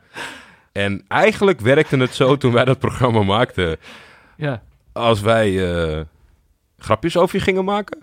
Dan ging je scoren. Nou, daar, daar ging je top presteren. Ja, Trainers, spelers, daar zat voorbeelden van. Als wij eh, de, de pik op je hadden, ja. dan ging het alleen maar beter met je. dus hij werd twee keer achter elkaar topscorer, dacht ik, bij, bij FC Keulen. buitenland effect. Keulen. En toen eh, was daar natuurlijk het grote Chinese geld. Eh, een laadbloeier, niet hele grote carrière gehad eh, wat dat betreft. Dus ging daarop in. Meteen oogsten. Oogsten, ja. En met gepaste tegenzin denk ik wel. En dan is het ook nog eens vervelend als je die beslissing neemt en je krijgt je geld niet. Want dat is eigenlijk de enige motivatie. Oh, hij kreeg zijn geld niet in China. Nee. En dan weet ik van DJ Drogba, die toen terug was gekomen. Die was een van de eerste van zo'n grote contracten Mhm. in China. En die is toen naar Galatasaray gegaan, gratis. Omdat er moet een bepaalde tijd overheen gaan. Als, je je geld niet, eh, als ze je niet betalen, dan ben je transfervrij. Dat dacht hij eh, te zijn. Is teruggegaan naar Keulen. En sindsdien is het alleen maar modder gooien en rechtszaken en dat soort dingen. En, het, en eh, de FIFA heeft de Chinezen in het gelijk gesteld. Dus die jongen voetbalt al, ik weet niet hoe lang niet. En hij zegt nu met eh, het KAS, het, eh, het, sporttribunaal, in hand te willen nemen om ze gelijk te halen. Maar Hmm. ja, het is wel een beetje sneu. Het- Ja, Dus, dus misschien ga je wel goed presteren als FC Buitenland eh, grapjes over je maakt. Maar uiteindelijk komt karma je altijd halen. dat was helemaal niet de strekking van Oh. het verhaal. Maar dat was gewoon dat ik het heel, heel sneu voor hem vind. En die Chinezen die gewoon bewezen is dat ze hem geen geld geven. Dat die nu Ja. heel lang ervoor zorgen dat zo'n jongen niet kan voetballen nergens. niet, niet mee fokken. Nee, Niet mee fokken. jammer. Jammer. Eh, een ander ding, dat weet ik niet. Dat, is iets, dat begrijp ik niet. Heb je, op, heb je opgeschreven? De 24 uur op Instagram van Mbaye Jakne. Jakne is een spits eh, die een verleden heeft in België. Is, zit nu denk ik anderhalf jaar bij Kassenpasja. Of een, een seizoen maar zelfs. Ja. En die scoort aan de lopende band. Ja. En Kassenpasja staat best wel hoog. eh, dus er is veel interesse in hem. Eh, hij maakte een Instagram-account aan. Mhm. Daar zijn ze in Turkije heel scherp op. Had binnen de... Binnen Hoezo zijn ze scherp op? Nou ja, scherp op in de zin van dat ze dat heel erg in de gaten houden. Van, oh, die heeft dat geliked. Of die heeft een Oh account. oh, ja. die foto, waar is hij? Is dat zijn manager? Ja. Weet je, zo heel, heel panisch. ja. Galatasaray is natuurlijk, dat, eh, dat weten we met z'n allen, eh, naarstig op zoek naar een spits. Ja. Eh, nog steeds niet, overigens. Het is nu 28 januari en die is er nog steeds niet. Toen was hij Galla gaan volgen op Instagram. Nou, hij deed zelfs op zijn story twee foto's met een leeuw. En eentje zelfs met een shirtje gefotoshopt van I'm coming over there. Echt? Ja, dus dat ging helemaal van... Hey, Jackne heeft eh, Instagram al zelf toegezegd en zo. Hij had binnen een mum van tijd 50.000 volgers. En de volgende dag heeft hij het, eh, heeft hij het account verwijderd. en hij is niet de nieuwe spits. De, de voorzitter Hè? van Kassan Was het geen prank? Was het een prank? Ja, ik, met terugwerkende kracht ging twijfelen. Maar het was, eh, ja, het was opmerkelijk. binnen 24 uur had hij van geen account naar een account met 50.000 en overal op het journaal naar geen account meer. Hmm. Dus dat was, eh, Vreemd verhaal. ja, opmerkelijk. Iets waar je denk ik in het begin eh Ja. Wanbeleid. wanbeleid. Wanbeleid. Vind ik... Monaco is Ja. wanbeleid. Wat die allemaal aan het doen zijn, daar snap ik helemaal niks van. Daar is natuurlijk al een tijdje een zootje. Zeker. Eh, staan gewoon staan laag, degradatiezorgen. Han- Cynisme onder de fans. Ik, voor Julian van hoon? trouw supporter. Hoon? Gelooft er al dat, gelooft dat de club kan degraderen. De, Dat is- de achterban. Nee, ja, nou, ja Julian van Oh. is niet in zijn eentje de achterban, maar hij is wel een soort van spreekbuis eh, voor heel Monaco. Oh ja, maar, als die, maar de fans die denken dat ook. Ja, dat denk ja. Oeh. Nou ja, maar dat kan natuurlijk ook. Dat is realisme. Realisme misschien Realisme. Dat, dat verweten Henri zijn spelers. Dat ze dat niet hadden. Zo van, weten ze wel wat er kan gebeuren. Gast smijt een hele hoop eh, spelers uit de selectie. En eh, op dat moment besluit de directeur, of ik weet niet wie dat beslissing eh, gedaan heeft, iemand in het bestuur die denkt, nou ja, dan hij er gewoon maar uit. Toen hebben ze Henri eruit geknikkerd. En Nou, het, ze begonnen het seizoen met Leonardo Jardim. ja, Daar kwam eh, Thierry Henry in de plaats. ja, Nu, ik denk twee maanden verder, Henry eruit geschopt. ja, Maar ze zoeken een nieuwe trainer. ja. En dat is geworden? Wie, wie neem je dan? Jardim. dat is toch... Ja, ik vind dat zo...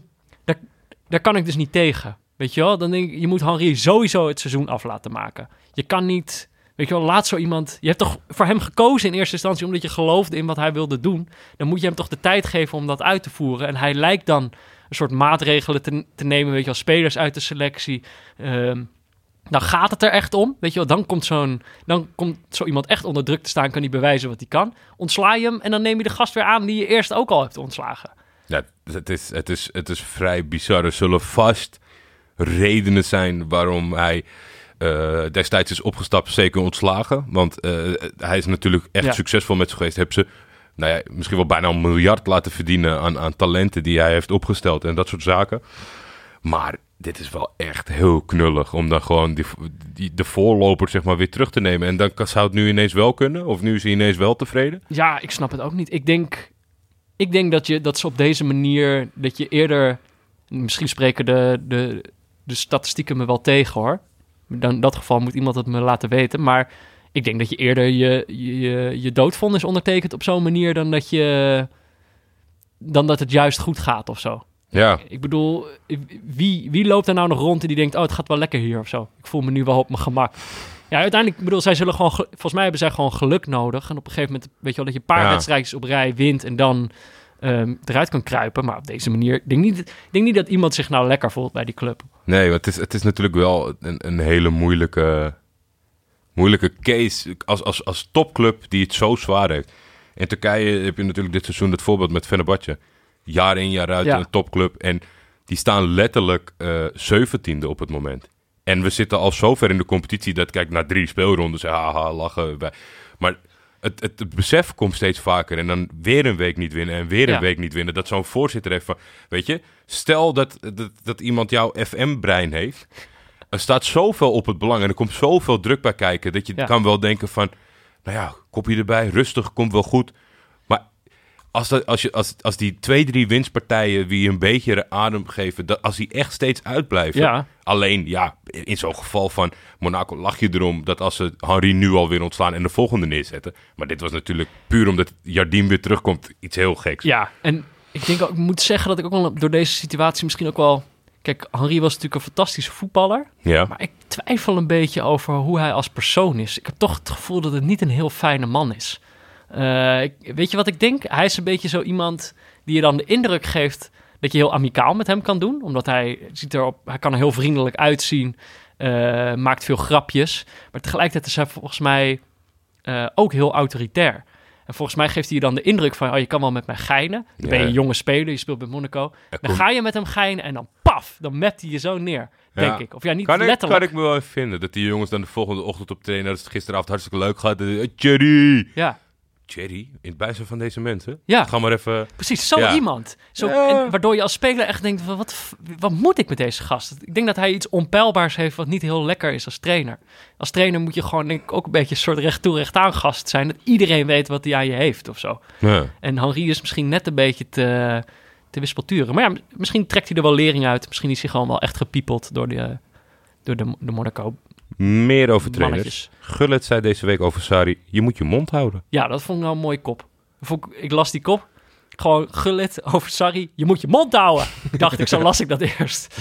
Maar het ging, het ging natuurlijk over een specifieke situatie. Namelijk, eh eh, Sarri heeft na een wedstrijd, ik weet ook niet meer precies welke dat was, heeft, is hij kritisch geweest over zijn spelers. Ja, het tweede, het tweede duel wat hij, eh, wat hij tegen de topclub verloor. Ja, Tottenham ging al kloten en toen verloren ze van United. ja ze Ja. begonnen natuurlijk wel lekker dit seizoen. Of eh, Chelsea had een, eh, had een goed begin. Ik Ze- vond dat heel mooi, want hij begon dat interview. Het ging uiteindelijk over wat hij zei. Ja. Maar hij begon dat interview met... Sorry jongens, ik doe elke persconferentie in het, Itali- of in het Engels. Ja, Maar ik ga vandaag in het Italiaans, want ik wil niet dat ik de verkeerde woorden gebruik. ja, En toen heeft hij gezegd dat deze rijke luiskindjes eh, nogal moeilijk te motiveren. te zijn. motiveren zijn. Ja. Ja, en de discussie die dan volgt, eigenlijk altijd, en al helemaal in Engeland denk ik, daar hebben ze zo met elkaar afgesproken van, als trainer blijf je voor je spelers staan. Je zeikt ze niet af. Je gaat, je gaat, niet, gaat geen kritiek op ze leveren. Dat heeft zo ongeveer elk vooraanstaand figuur, elke pundit rondom de Premier League heeft dat inmiddels al gezegd. Van, "Ah, dat moet je niet doen. Dat is een soort dogma van je mag niet kritisch zijn op je spelers tegenover de media. En het punt dat Gullit dan maakt is, eh, je, moet niet, je moet met je spelers praten, niet over je spelers. En dan denk alsof dat elkaar uitsluit. Ik, ik denk, sterker nog, ik denk dat Sarri zo iemand is die kritisch is voor de camera en tegen die spelers exact hetzelfde zegt. Ja. Ik zie hem niet als iemand die, eh, die dat soort spelletjes speelt. Eh, nee, nee. Nee, eh, absoluut niet. En dan vind ik dan die hele discussie, vind ik eigenlijk ook een beetje... Hoezo zou je niet een keer gewoon heel kritisch op je spelers mogen zijn? Waarom moeten die spelers altijd maar weer in bescherming genomen worden? Kijk, ik snap wel dat je niet een 18-jarige jongen compleet moet afslachten als hij het één keer fout heeft gedaan. En hoe Ajax met eh Lamproe is omgegaan, is denk ik ook niet het meest nette wat je kan doen. Nee, Je, je, je moet wel een beetje fatsoenlijk met ze omgaan, maar je mag toch wel kritisch op ze zijn ja, natuurlijk. voor de camera. Ik vind dat zo'n raar idee. En we, we hebben het ook over de top van de Premier League. Hè? Ja, toch? Dat zijn toch jongens die, die toch wel een beetje eh, een dikke huid mogen hebben. Nou, en het zal Henri waarschijnlijk zal ongeveer hetzelfde overkomen zijn. Die zei op een gegeven moment ook van, ja, ik weet niet of die spelers wel begrijpen wat, eh, wat er gebeurt. Maar als we zo doorgaan, dan degraderen we gewoon. Dat zegt hij ook bij een persconferentie. Dan zal het bestuur waarschijnlijk ook weer gezegd hebben van, moet je niet doen.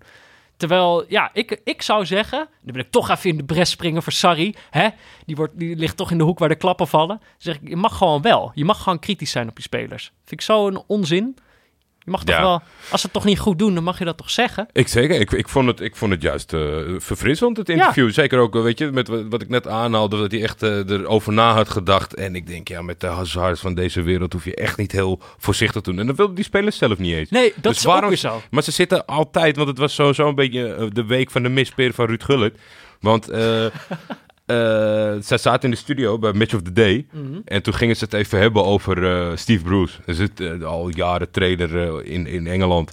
Die was niet aanwezig bij een wedstrijd. En daar vonden zij wel, eh, hij en Danny Murphy in de studio vonden dat eh, voetbal op de eerste plaats en dat soort dingen. Maar toen reageerde dus, volgens mij is het de zoon van eh, Steve Bruce op, eh, eh, op Twitter met, eh, misschien als Ruud en Danny hadden geweten dat hij in een tijdsbestek van zes maanden eh, zelf medisch problemen heeft gehad. Zijn vader en zijn moeder is verloren. Dat ze een ander toontje hadden aangeslagen. Ja. Ai. Ja, maar dat is echt, je zit daar als pundit. Je wordt gevraagd om er iets over te zeggen. Zij schieten allemaal in een soort automatische stand. Voetbal staat op één. Weet je, al die clichés komen Ja. altijd voorbij. Maar ik denk, ja, weet je, als een trainer, dat is in principe de man die er altijd bij is, mits hij Ja. geschorst is, een keer er niet is om redenen waar mensen geen uitlating over doen, Ja. dan kan je toch wel twee, Zeker weer een dagje naar de Efteling. twee seconden nadenken Ja. dat er iets is om niet even op gaan Ja. te zitten lopen te hakken. Ja, ja. Nou ja, niet de Ruud's week, maar gelukkig eh, had hij gisteren veel plezier met de overwinning van Feyenoord. Eh, ja. Eén ding over een trainer. ja, nog zeker één ding. Ja, een trainer en een speler. Ja. Jij zei eerder deze uitzending dat je lekker aan het FM'en bent eh, Ja. met Bowie. Mhm. Maar je tas mag ook bijvoorbeeld Daniel rondlopen. Ja. Stel nou dat jij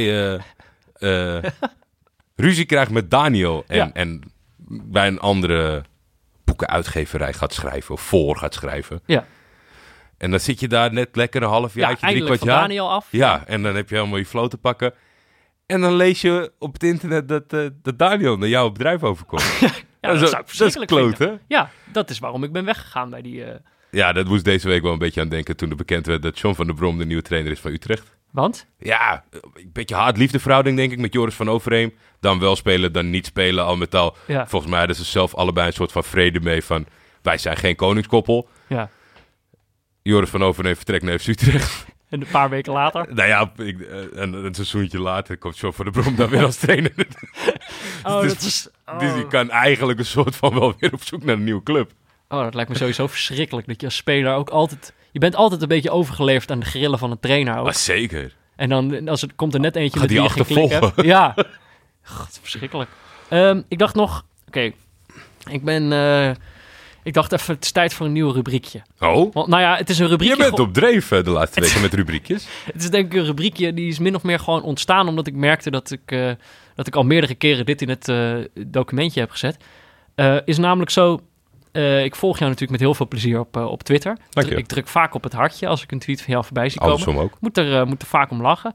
Maar ehm, eh, soms snap ik ze ook gewoon niet. Dan zijn ze te specifiek voor mij. En dat is met name als het over Galatasaray gaat. Dus dan dacht ik, het is tijd voor het blokje... Jordi legt mij Galatasaray-gerelateerde tweets uit. Oh, lekker catchy naam, Peter Buurman. Misschien nog een beetje aan schaven, maar voor nu doen we het daarmee. Ik dacht, ehm, want ik zag een tweet voorbij komen. Ik zag een speler van Galatasaray. Het was een tweet die bestond uit twee plaatjes, eigenlijk voor jou. Ja. Ik had twee plaatjes. Eén plaatje was van de speler van Galatasaray. Die volgens mij zijn duim opstak of zo. Zag er wel vrolijk uit. Ander plaatje was van een kast. een dichte kast, zo met twee van die deuren die dicht zit. Ja. Ik, snap, ik wist niet wie die speler was, dat is één. En wie die kast was, wist ik, wist ik ook niet. maar wat bedoelde je ermee? Want ik weet het niet precies. Eh, de speler in kwestie was eh Marcao. Mhm. De speler die Thomas Schaling niet kende. Oh ja. Oh. Wat dus in principe mij ontzettend huiverig maakte. Maar eigenlijk hoop ik nu dat Galatasaray alleen nog spelers aantrekt die Thomas Schaling niet kent. Oké. Want hij ging heel lekker. Ging heel lekker. Hij, hij- twee wedstrijden, fantastisch. Maar ja, dat is een beetje... eh, het is niet eens, denk ik, Galatasaray dat je hem niet begreep. Oh. Wat de andere is, een beetje een straatuitdrukking. Als iemand heel sterk is, dan noem je hem een kast. Dus Kijk. die gozer die speelde Die een gast is partij, die beukte iedereen omver. En dat speelde echt een hele goede wedstrijd afgelopen weekend. Ja. En hij won elk duel. Dus ik zeg, Marcao, de nieuwe jongen, is gewoon een kast. Ah ja, het was, het was dus werkelijk de simpelste uitleg die ik had kunnen bedenken.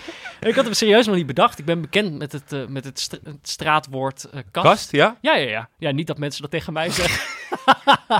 Ik moest mezelf inhouden om, om niet te maken. Maar, maar nou ja, natuurlijk, ik ken dat woord wel. Maar eh, nee, ja, ik zat eerder te denken van...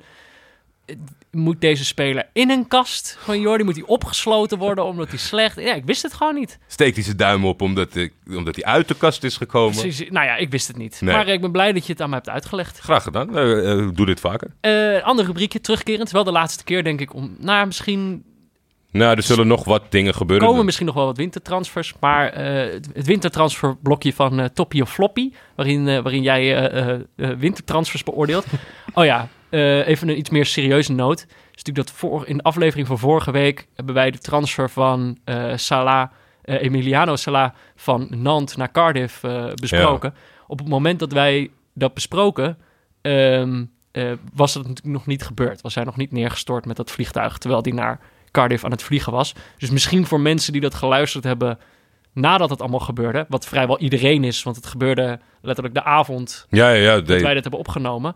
Eh, maar op het moment dat wij het opnamen was het nog niet bekend. Maar misschien klonk het vreemd als je terug zat te luisteren. Eh, wij wisten dat dus niet. Het was echt bizar, want het, het- het- er was nog ruimte voor een toppie of floppy. En ik zat een beetje te kijken van wat vind ik nou interessant. En er zat natuurlijk een aanleiding toe met de reactie van zijn trainer. Ja, En ik dacht diezelfde nacht, ik denk nou, hoe krijgen ze het voor elkaar? Maar toen was het nog een beetje allemaal onduidelijk en zoektocht. ja en dat ik dingen. hoopte dat het, dat het, dat Ja, het allemaal goed zou komen of zo. Dat het een... een- dat het een Het had, eh, het had eigenlijk alles wel met die berichtgeving. Van, het toch was weer, weer hoop eh, van die politie in de zoektocht. Alleen ja, toen was het donker en dat soort dingen. ja. Ik had gehoopt dat het eh, een heroïscher eh, slot had gekregen dan eh, de triestigheid eh, nu. Ja. Maar dat was eh totaal willekeur. Heel jammer. Ja, Ja. maar ja. Dan nog toch maar naar de transfers. Ja, zeker. Eh, ik dacht in eerste instantie, kijk, we kunnen het natuurlijk maar over één transfer hebben. Dat is ook gebeurd nadat wij deze podcast hebben opgenomen. Eh, fantastische voetballer, eh, heel veel talent. gaat nu eindelijk een grote stap maken naar Barcelona. Prachtige club natuurlijk. Kevin Prins Boateng. ja, wat ja. vind je ervan? Kevin Prins Boateng. eh eh, zo, zoals een gewaardeerde collega deze week bij eh, VI zei, ik snap het wel, ik snap het niet. Eh, Ja, nee. ik snap niet, weet je wat ik niet snap? En dan pakken we gelijk de volgende erbij. Dat is natuurlijk Frenkie de Jong. Mhm. Die- wat is het, 800 miljoen gaat hij naar Barcelona. Veel geld vind ik, maar nou ja, ze, ze hebben het ervoor over. Dat is als hij de Champions League wint met, met één been. dat is een clausule. Maar het is, je hebt, ehm, dat ze eigenlijk, Barcelona lijkt op twee sporen te zitten. Mhm. Dat je enerzijds, in dezelfde week halen ze Kevin Prins Boateng en, en Frenkie de Jong. Frenkie de Jong snap ik dan, weet je wel. Dan ga je bouwen aan een soort nieuw team. Je haalt een jonge, jonge talentvolle speler. Waar, waar je, daar zet je een beetje op in. En tegelijkertijd lijken ze een beetje een soort stoplappen te kopen. Ja, Barcelona is natuurlijk. Ja, maar. Barcelona is natuurlijk een club die, die, die zich kan permitteren. Om, laten we ten eerste. Kevin Prince Boateng is niet een hele slechte voetballer. Komt hij niet altijd eh, even, even lekker uit. Eh, soms heeft hij, is hij op zijn plek en dan is het ineens een, een hele goede Ja. speler. En eh, soms hoor je ook weer een seizoen niks van hem.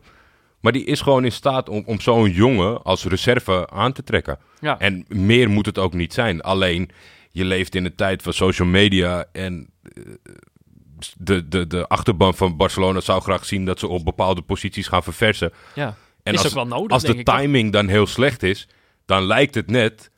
Kijk eens, we zijn bezig op de transfermarkt. Hier is Kevin Prince Boateng, de nieuwe spits voor de aankomende jaren. Dat is hij natuurlijk Nee, helemaal nee, nee. niet.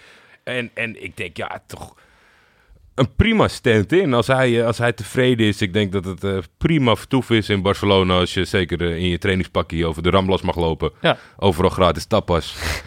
Maar over Paulinho hebben, wel, eh, hebben mensen om dezelfde manier gelachen. En die heeft het uiteindelijk hartstikke goed voor ze gedaan. Ja, Misschien zoiets, dat hij zoiets kan doen. ik denk dat Kevin Prince Boateng minder uitgelachen wordt. Dat het meer ging om Barcelona, wat doe je qua beleid, dan Ja. om de spelers zelf. Ja, Maar ja, aan de andere kant, Paulinho pakte heel goed uit. En eh, dat moeten we bij Kevin Prince Boateng nog maar zien. ja. En, en Frenkie de Jong moeten we het ook nog maar zien natuurlijk. Oh, dat zeker weten. Eh, heel even, dan kunnen we Boateng afstrepen. Toppie of floppie? Ik denk toppie. Mm, Ik zeg toppie. Maar jij mag het zeggen.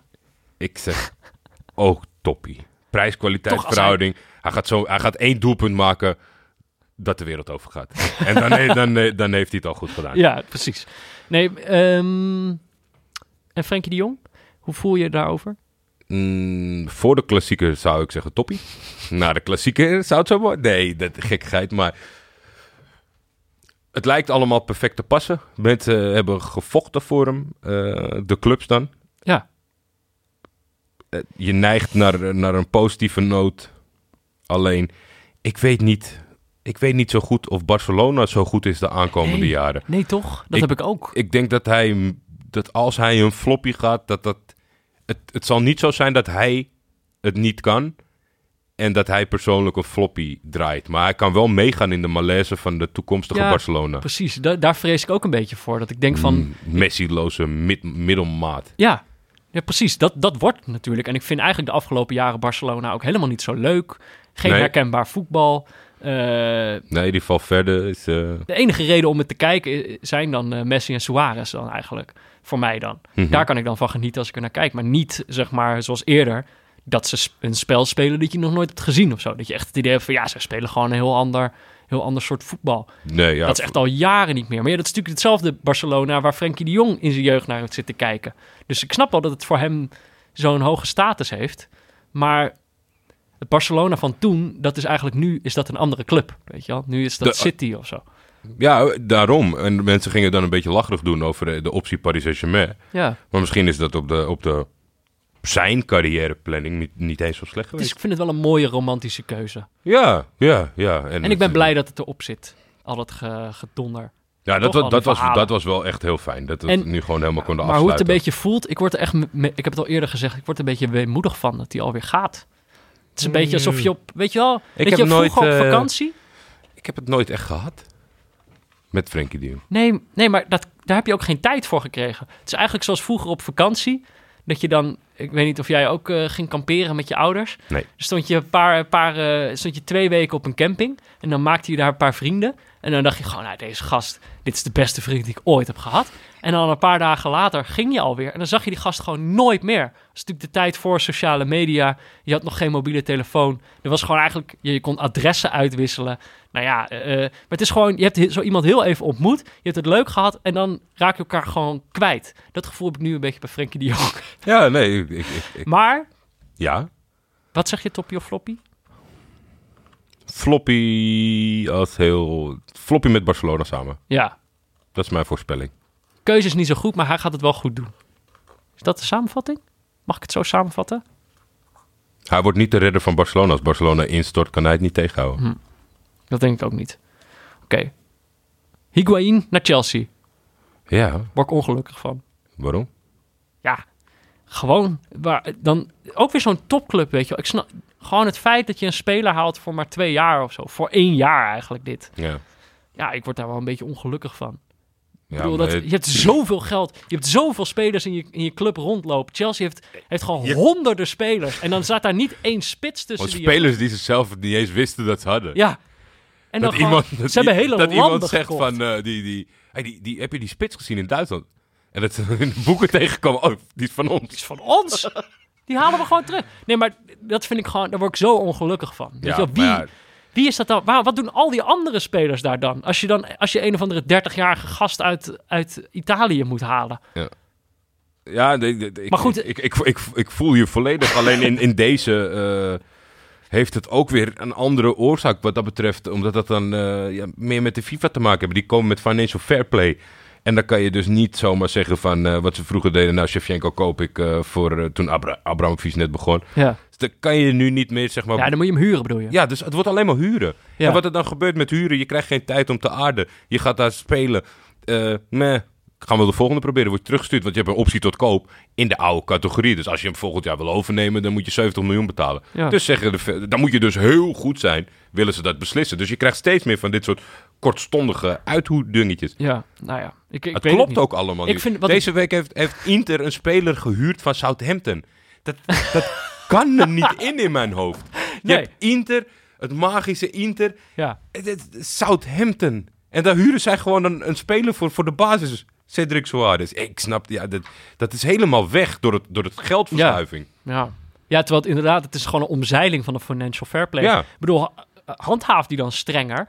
Eh, maak die regels strenger, zodat ze niet alsnog Hey, die spelers als jij, eh, als jij de tweede club bent uit Kosovo en je hebt 500 euro eh, te veel op, in de schuld, dan zeggen ze je mag niet meedoen met de UEFA Cup. Maar Ja. als City of, of Paris Saint-Germain Ja. zeggen ze nou, betaal maar een boete van een miljoen en dan doen we wel een oogje dicht. Dat is dus Ja. een fout.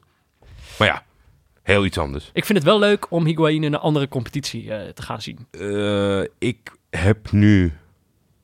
Higuain is, is, is, heeft moeite met topfit geraken. Ja. Heeft een, een babyvetlaagje. Mhm. Eh, keer op keer. Vind ik wel sympathiek. Ik ook, menselijk. Maakt hem menselijk. Maakt hem aanraakbaar. Herkenbaar. Eh, het moet diep uit zijn tenen komen dat hij zijn sta eer wil redden, Ja. denk ik. Hij heeft het onder Sarri fantastisch gedaan. Mhm. En als hij zoiets heeft van ik wil laten zien wat ik nog kan, en zeker in een ander land, heel moeilijk in te schatten. Ik denk toch. Toppie, Zo, toppie, toppie. toppie. Moet er nog een weddenschap voor hoeveel doelpunten? Durf je dat niet meer? Jawel. Higuain maakte dit seizoen nog acht. Ik zeg meer dan acht. Gedurfd. Ik zeg tien. tien? Ja joh. Oké, zeg ik elf. Zeg ik, zei- vijftien. Ik zeg toppie, dan kan ik toch niet onder jou gaan zitten. Eh, Oké. Ehm, wil je het nog, eh, heb je nog andere transfers waar je het over wil hebben? Arbor Seneli Ja? gaat van Heerenveen naar Rijms. Vond ik, eh, vond ik uit de lucht vallen. Vond je dat toppie of floppy? Eh, ik denk wel toppie. Ik vind hem wel een lekker onverstoorbaar eh, werkertje op de, op de zijkanten. Ja. Eh, veel in de interesse geweest, maar toch steeds eh, gewoon lekker blijven ballen. Weet je, op een gegeven moment heb je vaak bij subtoppers die onder de aandacht staan, die zo zoiets hebben van ik ben te groot voor Heerenveen. Ik moet weg hier. Ja. En eh, eh, goed schik, dan wel kwaad schik. Dat zie je eigenlijk niet meer. Hè? Dat vind ik jammer. Ja. Vroeger gingen spelers veel naar eh, eh, de rechter. Omdat dan Groningen wilde dan Suarez niet verkopen. En dan moest je naar de rechter om te bewijzen dat het een stap vooruit was. Dat gebeurt bijna niet meer. Maar Seneli naar Rijms, ik denk eh, toppie. Moet je bewijzen dat Rijms een stap vooruit is? Oh nee. Ja, Ehm, en nog als laatste? Ja, deze had ik speciaal voor jou erin gezet. Joel Campbell, die gaat naar Leon. En dat is geen eh, gezellige barman, maar dat is een voetbalclub in Mexico. Eh, Joel, die is gek op transfers. Zo, ja. Nou, over hier is toch weer het voetbalmanager. eh Ja. is, is, cirkeltje is weer rond. Want ik heb deze gast eigenlijk wel regelmatig, haalde ik hem wel. Ja. Een hele fijne buitenspeler. Goede prijs-kwaliteit verhouding. Zeker, omdat bij. Arsenal, hij is natuurlijk ooit naar Arsenal gegaan. En Arsenal haalde toen, eh, had toen echt nog wel een andere reputatie. Nu zijn ze Perisic aan het halen, las ik. Mhm. En eh, ze hebben natuurlijk nou Mkhitaryan en zo rondlopen. Maar ooit was er gewoon een tijd, haalden zij een jongen. En dat werd opeens, ja, Gendouzi is er natuurlijk ook wel zo eentje. Maar deze paste toen nog in een rijtje dat je dacht van dit wordt gewoon weer het volgende toptalent. Maar Eh, zowel, zowel de, de wereld, eh, de echte wereld als, als voetbalmanager hebben dan heel veel moeite met wanneer ze stoppen met Misschien komt het er nog uit. Ja, Want dat is echt heel lang bij geweest. zo ja. Nadat hij bij Arsenal is, eh, is terechtgekomen, is hij verhuurd aan Lorient, Betis, Olympiakos, Villarreal, Sporting Portugal, Real Betis. En daarna was het klaar en toen vertrok hij eigenlijk voor een, voor een prikkie naar Frosinone. ja. En dan denk je, Frosinone, goede aankoop voor Frosinone, want het is gewoon... Misschien is niet alles eruit gekomen, maar hij heeft toch zeker voor de nationale ploeg leuke wedstrijden gespeeld. En dat lukt dan niet en dan gaat hij nu naar Mexico. En eigenlijk ja, is het wel klaar. Nu maar dat was het misschien klaar. wel vier jaar geleden. Maar hij gaat het in, eh, in Mexico proberen. Vlakbij, of tenminste een stuk dichterbij eh toppie. Costa Rica. Vind ik toppie. Ik Zet denk hem op ook bij dat hij Leon. toppie gaat doen. Misschien gaat hij nu eindelijk doorbreken, Jordi. Dat is ons punt. nu breekt hij door. Dit wordt het. Ehm, nou. Volgende week eh, denk ik dat we gewoon maar weer door de, door, de, door de kijkers moeten laten beslissen. Zeker, ik zal deze Als keer er de, de, niet- de poll iets eerder eh, starten. Ja, maar het kan natuurlijk ook gebeuren dat, dat er volgende week geen aflevering is. Nee, maar dat had deze week ook kunnen gebeuren. Ja, dus het, het kan, het kan eh, eigenlijk, ja, ik wou zeggen altijd, dat is ook niet helemaal waar. Maar ik bedoel, ja, die, die baby gaat er een keer komen en dan, ja, Tot die tijd eh, leven we naar de volgende wedstrijd toe. we zien het wel. Eh, jullie zien dit polletje dus wel verschijnen bij, bij Jordi. Eh, deze keer hebben jullie goed gekozen, dus ik, eh, ik vertrouw jullie. Houd vast. Ehm, die opmerking die ik eerder maakte over dat jullie wel wat avontuurlijker mochten zijn, ehm, niet zo serieus nemen. Kies gewoon een leuk wedstrijdje. ik, ik hoef niet echt eh, Brazilië te zien. Jawel. Oh, In de krochten ergens. Ik dacht, ik dacht dat iedereen voor de Segunda Division zou gaan. In ja. Deportivo gedegradeerd. Kijk hoe dat er nu bij Maar zal lopen. Victor, Victor Ponte, die hier ook nog te gast is geweest tijdens het WK, Ja, die adviseerde dat wij waar een wedstrijdje uit China moesten gaan kijken. Toen merkte ik, toen begon- het toch wel iets te borrelen bij mij. Toen Ja? dacht ik, hmm, misschien moeten we dat volgens mij doen. spelen die op onhandige tijden. Het, lijkt me, het leuke wat, ik daar, wat me daar leuk aan lijkt, is dat het een, een competitie is die veel in het nieuws komt. Zeker in zo'n wintertransferperiode. Die gewoon compleet anoniem is. Je ziet nooit beelden. Het enige wat ik gezien heb is Oscar, die oud Chelsea-voetballer. Ja. Die ooit een keer helemaal flipte op het veld. En toen gewoon maar de bal tegen mensen aan ging schieten. Is, is Frans Bauer bij een voetbalwedstrijd geweest met zijn nieuwe programma Frans Bauer in China? Ik heb geen idee. Ik wil het programma... Eh, ik- dit wordt een beetje een podcast waarin we televisieprogramma's afraden. Nee, niet leuk. Nee, nou ja, ik heb het niet gezien. Floppy? Ik heb het niet gezien. Ik hoef het niet te zien. Het lijkt me echt verschrikkelijk. De premisse dat die gast... Waarom mag hij naar China met de menukaart van... Ik vind dat is zo... Weet je wat, laat dan iemand gaan die echt naar China wil. Sterker nog, dat, he- dat heeft de NPO al een keer gedaan. Er is al een hele mooie serie over China. Ga ik dan denken, ja, dan sturen we nu Frans Bauer. Ja, die niet wat- eens echt geïnteresseerd is in dat land. Die Nee. zegt gewoon van, hey, hebben jullie ook wat, eh, wat wij thuis hebben? En natuurlijk niet, sukkel. Daarvoor hoef je niet helemaal naar China. Ja, maar waar, waar, waar ik je mening misschien wel deel en jij er oprecht eh, fascinerend mooi boos over kan worden. ik denk dat als de, als de NPO het al een keer gedaan heeft en je legt dat eh, weg in cijfers, dat Frans die Bauer wint. En dat is misschien Ja. wel het probleem. Maar Frans en Maris, hey, kom op hè. Against modern NPO. ben ik. Against Modern Frans Bauer. Oké, voor nu was dit Neutrale Kijkers in samenwerking met Dag en Nacht Media. Veel dank aan onze hoofdsponsor Kiks, aan Pieter Zwart voor zijn diepteanalyse van de werkvloer, aan Barry Pirovano voor de schitterende illustratie, Laurens Collet voor de gegenpressing jingle en aan Studio Cloak en Leon Lischner en Friends voor de muziek. Eh, nou ja, je kan ons nog steeds mailen, neutralekijkers.gmail.com. Ja, graag. Eh, je kan ons ook berichtjes sturen. Stuur op een polletje dat Jordi eh, ergens deze week online gaat zetten. Eh, je kunt ook een recensie achterlaten in je podcast-app. Je kan eh, voorspellen of jij denkt dat Galatasaray eerder een spits heeft of dat eh, mijn baby Oh ja. er is. Nou ja, voorspel maar. En dan zien we... Gewoon, dat is leuk voor jezelf. Kan je lekker voorspellen. Nou ja, volgende week zijn we er weer. Waarschijnlijk. Misschien. Denk het. Tot dan, Jordi. Tot dan, Peter.